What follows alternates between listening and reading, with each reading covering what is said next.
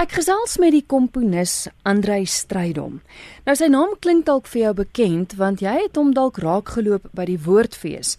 Hy was daar met 'n produksie Suiderkruis Mis. Baie van ons luisteraars het heel moontlik die produksie gesien. Dit was 'n produksie wat 'n effe van 'n rock aanslag gehad het. Nou, dit was, was anders as die gewone mis wat mens gewoonlik ken. Ja, dis nie ehm um, heeltemal soos dit net so dit ding van die baie groot komponiste soos Mozart of Beethoven of een van daai geweldige groot Europese komponiste nie. Ehm um, ek wou eintlik 'n bietjie meer Afrika daarin gaan en net net fokus sit op Suid-Afrikaanse musiek en dan ook op Afrikaanse musiek. En die die pad wat ek begin het om dit te skryf was daar 'n groot fokus op ehm, jy weet die, die jong musiek bands van Suid-Afrika waarvan Frans van Kyk deel was in Futenadons in so ek wou en ek wil bietjie wys met ons kan nie ons doen dit vandag nie nodig om altyd klassieke musiek te hoor in 'n liturgiese werk nie maar ons kan ook baie meer kontemporêr met styl gaan. Ja, want ek dink dit is wat wat kykers juis aangetrek het want ek dink niemand het ooit gedink Frans van Kyk gaan in 'n mis gehoor word nie. Ja, daai was nogal ehm um, die oomblik vir Frans wat dit gevra het, het ek aangeneem hy sou nie sien maar hy het inderdaad ja gesê dit was baie buitengewoon om iemand wat eintlik so is, so 'n rockstar amper as in Afrikaans en ehm um, om hom in 'n in 'n plek in te sit waar hy dink is nou ehm die weet iets so liturgiese missie. Nou van die Suiderkruis mis af beweeg ons nou aan met die Stabat Mater want dit is die volgende werk wat te sien gaan wees. As mens kyk na 'n mis uit uit sekere elemente, daar's 5 dele waaruit 'n mis bestaan, het die Stabat Mater ook sekere eienskappe waaraan jy as komponis moet voldoen? Ja, die ehm um, soos jy nou sê, die mis het 5 dele wat spesifiek nou op die Latynse teks gebaseer is. En uh, natuurlik nou met die die Suiderkruis mis het ek natuurlik Engels en Afrikaans bygesit. Hmm met die stabakmater, die stabakmater is gewoonlik in 12 dele wat ek net so gehou het.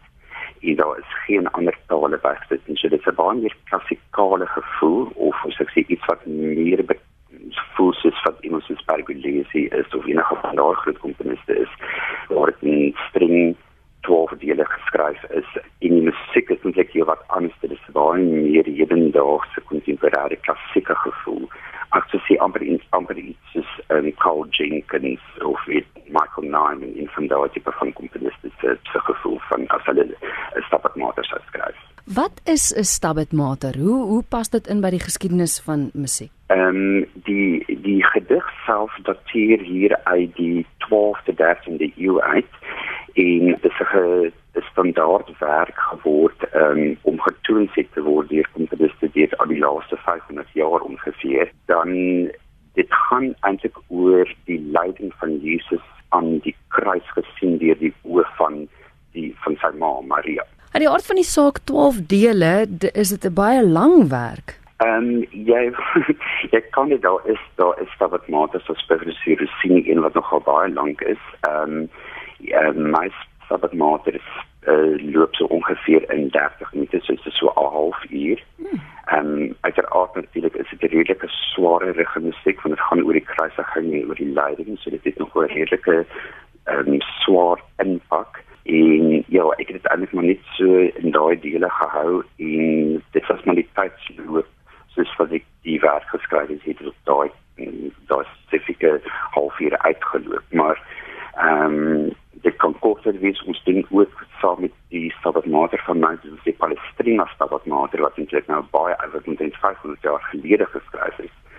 En dit is 10 minute lank. So dit hang af maar van wat die komponis besluit van hoe hy dit wil gebruik Maar Andre, dit moet 'n geweldige uitdaging wees om 'n werk met so ryk geskiedenis wat al deur soveel ander komponiste geïnspireer is en gekomponeer is om net en anders daaroor te dink. Jy as komponis, hoe hoe benader mens so iets?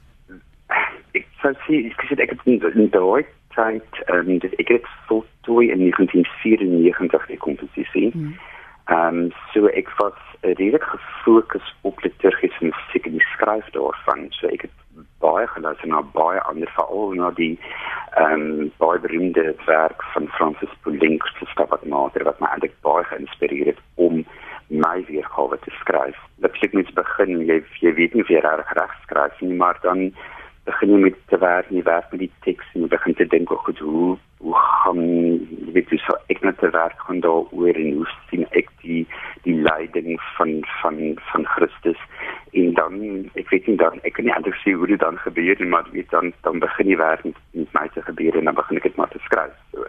Nou julle is nou die 12de en die 14de April te sien. Dit is in Gordons Bay. Wie tree almal op in jou stabbatmater ons het ehm um, ons het eintlik hier 'n wonderlike ding aan die gang gesit laas jaar. Dit word genoem die Houderberg Kunste Forum. Ehm um, wat vier van ons wat die Houderberg bly ehm um, gestig het en ons ehm um, probeer om eintlik die gemeenskappe bietjie meer betrek te kry by ehm um, sit van meer klassikale musiek op die oomblik ehm um, natuurlik is konstant baie op die op die liturgiese musiek op die oomblik so maar ek het familie in Willis as die sopran ehm um, wat hier in Helderberg bly en dan het ons uh, Elizabeth Fransen wat nog 'n redelike groot naam is in die in die ehm um, musiekbedryf as as my al ons is nog besig met tenore uit te sorteer op die oomblik maar ek het 'n baie mooi jong tenor in naam van Paul Lessing wat ek dit vir die solo tenor gaan wees en dan gaan ek dit waag om self die solo bas te sing. Nou die 12de April, hoe laat is jy te sien? Op die 12de April, dis nou op die donderdag aand is dit om 7uur en op die Saterdag vir die 14de is, is dit om 4uur die middag.